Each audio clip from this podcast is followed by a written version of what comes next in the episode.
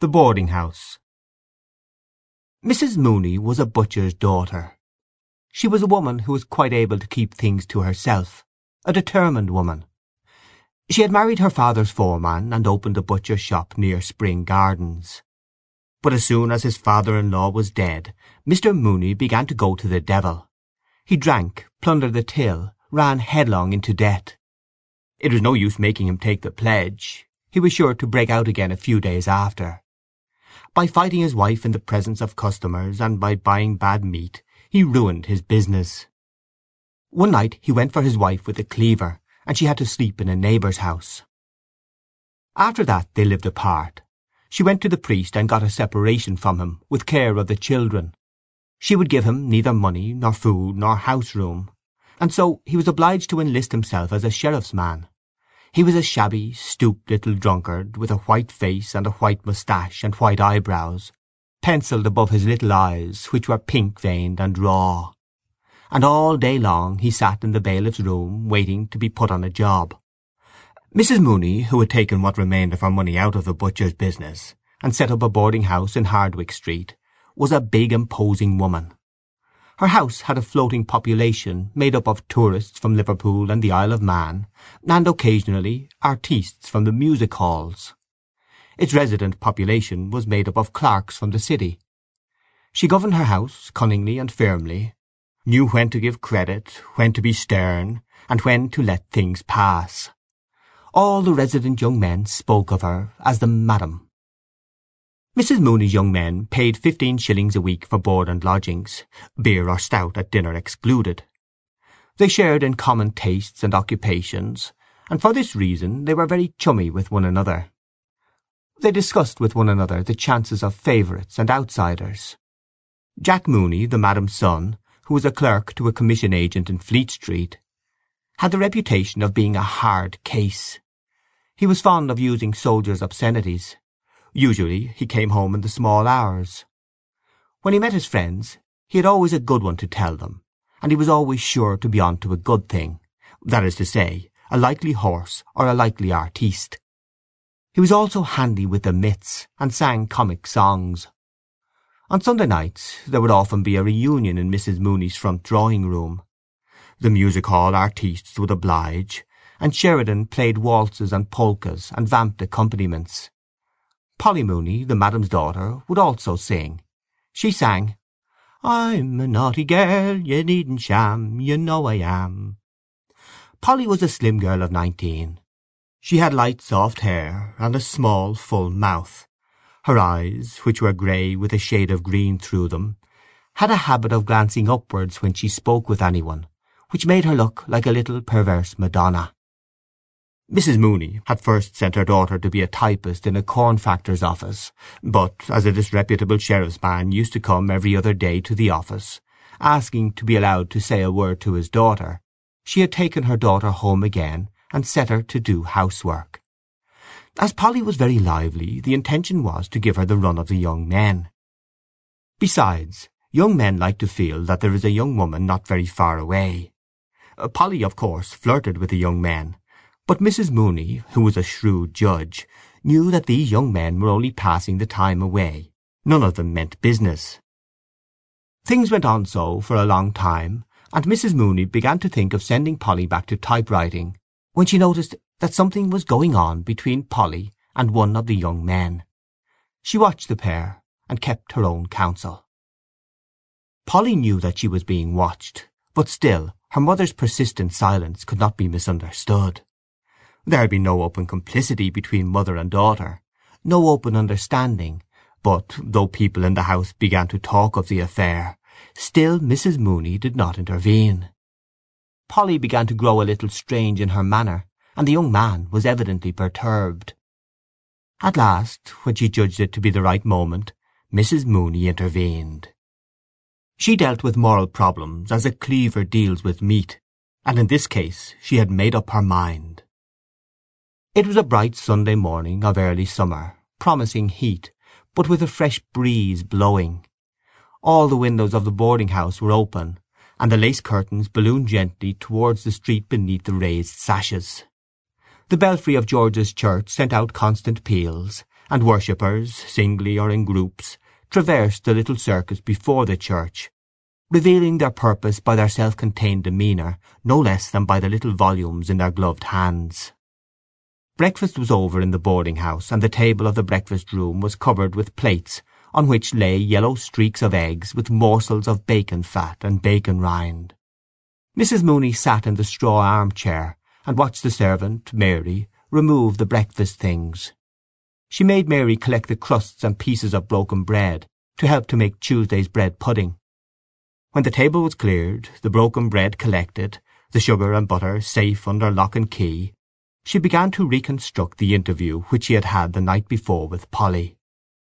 Things were as she had suspected. She had been frank in her questions, and Polly had been frank in her answers. Both had been somewhat awkward, of course. She had been made awkward by her not wishing to receive the news in too cavalier a fashion, or to seem to have connived, and Polly had been made awkward not merely because allusions of that kind always made her awkward, but also because she did not wish it to be thought that in her wise innocence she had divined the intention behind her mother's tolerance. Mrs. Mooney glanced instinctively at the little gilt clock on the mantelpiece as soon as she had become aware through her reverie that the bells of George's church had stopped ringing. It was seventeen minutes past eleven. She would have lots of time to have the matter out with Mr. Doran, and then catch short twelve at Marlborough Street. She was sure she would win. To begin with, she had all the weight of social opinion on her side. She was an outraged mother. She had allowed him to live beneath her roof, assuming that he was a man of honour, and he had simply abused her hospitality. He was thirty-four or thirty-five years of age, so that youth could not be pleaded as his excuse. Nor could ignorance be his excuse, since he was a man who had seen something of the world. He had simply taken advantage of Polly's youth and inexperience. That was evident. The question was, what reparation would he make? There must be reparation made in such cases. It is all very well for the man. He can go his ways as if nothing had happened, having had his moment of pleasure, but the girl has to bear the brunt. Some mothers would be content to patch up such an affair for a sum of money. She had known cases of it, but she would not do so. For her only one reparation could make up for the loss of her daughter's honour—marriage. She counted all her cards again before sending Mary up to Mr. Doran's room to say that she wished to speak with him. She felt sure she would win. He was a serious young man, not rakish or loud-voiced like the others. If it had been Mr. Sheridan or Mr. Meade or Bantam Lyons, her task would have been much harder. She did not think he would face publicity. All the lodgers in the house knew something of the affair. Details had been invented by some. Besides, he had been employed for thirteen years in a great Catholic wine merchant's office, and publicity would mean for him, perhaps, the loss of his job. Whereas, if he agreed, all might be well. She knew he had a good screw for one thing, and she suspected he had a bit of stuff put by. Nearly the half hour. She stood up and surveyed herself in the pier-glass. The decisive expression of her great florid face satisfied her, and she thought of some mothers she knew who could not get their daughters off their hands. Mr. Doran was very anxious indeed this Sunday morning. He had made two attempts to shave, but his hand had been so unsteady that he had been obliged to desist. Three days' reddish beard fringed his jaw, and every two or three minutes a mist gathered on his glasses, so that he had to take them off and polish them with his pocket-handkerchief. The recollection of his confession of the night before was a cause of acute pain to him. The priest had drawn out every ridiculous detail of the affair, and in the end had so magnified his sin that he was almost thankful at being afforded a loophole of reparation. The harm was done. What could he do now but marry her or run away? He could not brazen it out. The affair would be sure to be talked of, and his employer would be certain to hear of it. Dublin is such a small city. Everyone knows everyone else's business. He felt his heart leap warmly in his throat as he heard in his excited imagination old Mr. Leonard calling out in his rasping voice, "Send Mr. Doran here, please." All his long years of service gone for nothing. All his industry and diligence thrown away. As a young man he had sown his wild oats, of course. He had boasted of his free thinking, and denied the existence of God to his companions in public houses. But that was all past and done with. Nearly. He still bought a copy of Reynolds' newspaper every week, but he attended to his religious duties, and for nine-tenths of the year lived a regular life. He had money enough to settle down on, it was not that. But the family would look down on her.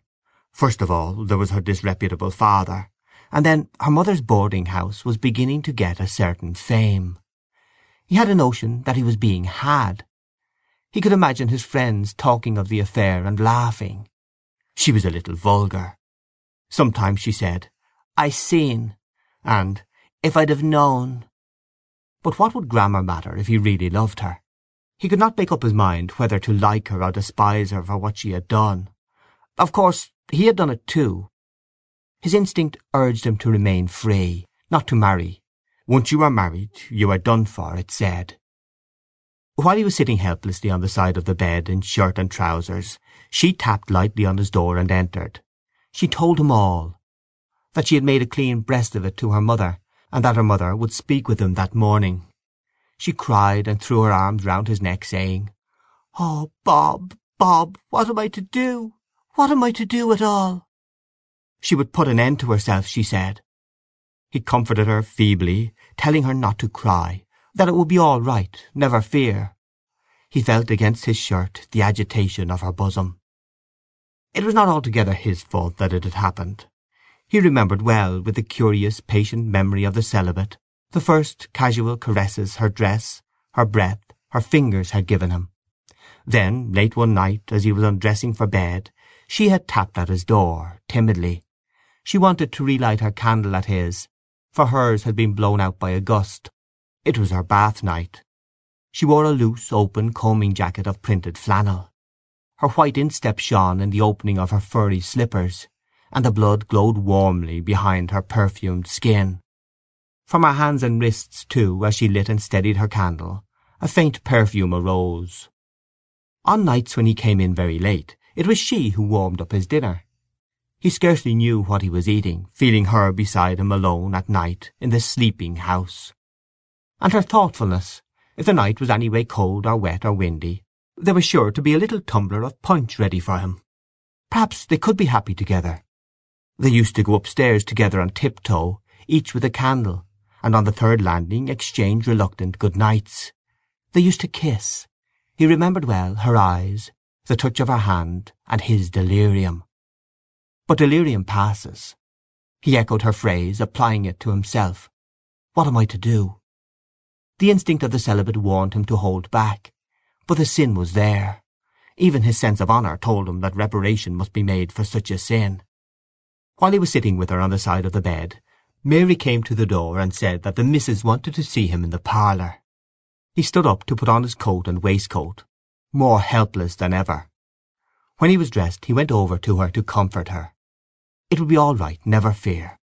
He left her crying on the bed and moaning softly, Oh, my God! Going down the stairs his glasses became so dimmed with moisture that he had to take them off and polish them. He longed to ascend through the roof and fly away to another country, where he would never hear again of his trouble, and yet a force pushed him downstairs step by step. The implacable faces of his employer and of the madam stared upon his discomfiture. On the last flight of stairs he passed Jack Mooney, who was coming up from the pantry nursing two bottles of Bass. They saluted coldly, and the lover's eyes rested for a second or two on a thick bulldog face and a pair of thick short arms. When he reached the foot of the staircase he glanced up and saw Jack regarding him from the door of the return room. Suddenly he remembered the night when one of the music-hall artistes, a little blonde Londoner, had made a rather free allusion to Polly, the reunion had been almost broken up on account of Jack's violence. Every one tried to quiet him. The music-hall artiste, a little paler than usual, kept smiling and saying that there was no harm meant, but Jack kept shouting at him that if any fellow tried that sort of game on with his sister he'd bloody well put his teeth down his throat so he would. Polly sat for a little time on the side of the bed, crying. Then she dried her eyes and went over to the looking-glass. She dipped the end of the towel in the water jug and refreshed her eyes with the cool water. She looked at herself in profile, and readjusted a hairpin above her ear. Then she went back to the bed again, and sat at the foot. She regarded the pillows for a long time, and the sight of them awakened in her mind secret, amiable memories. She rested the nape of her neck against the cool iron bed rail, and fell into a reverie. There was no longer any perturbation visible on her face. She waited on patiently, almost cheerfully, without alarm, her memories gradually giving place to hopes and visions of the future. Her hopes and visions were so intricate that she no longer saw the white pillows on which her gaze was fixed, or remembered that she was waiting for anything. At last she heard her mother calling. She started to her feet and ran to the banisters. "Polly! Polly!" "Yes, mamma." "Come down, dear. Mr. Doran wants to speak to you." Then she remembered what she had been waiting for.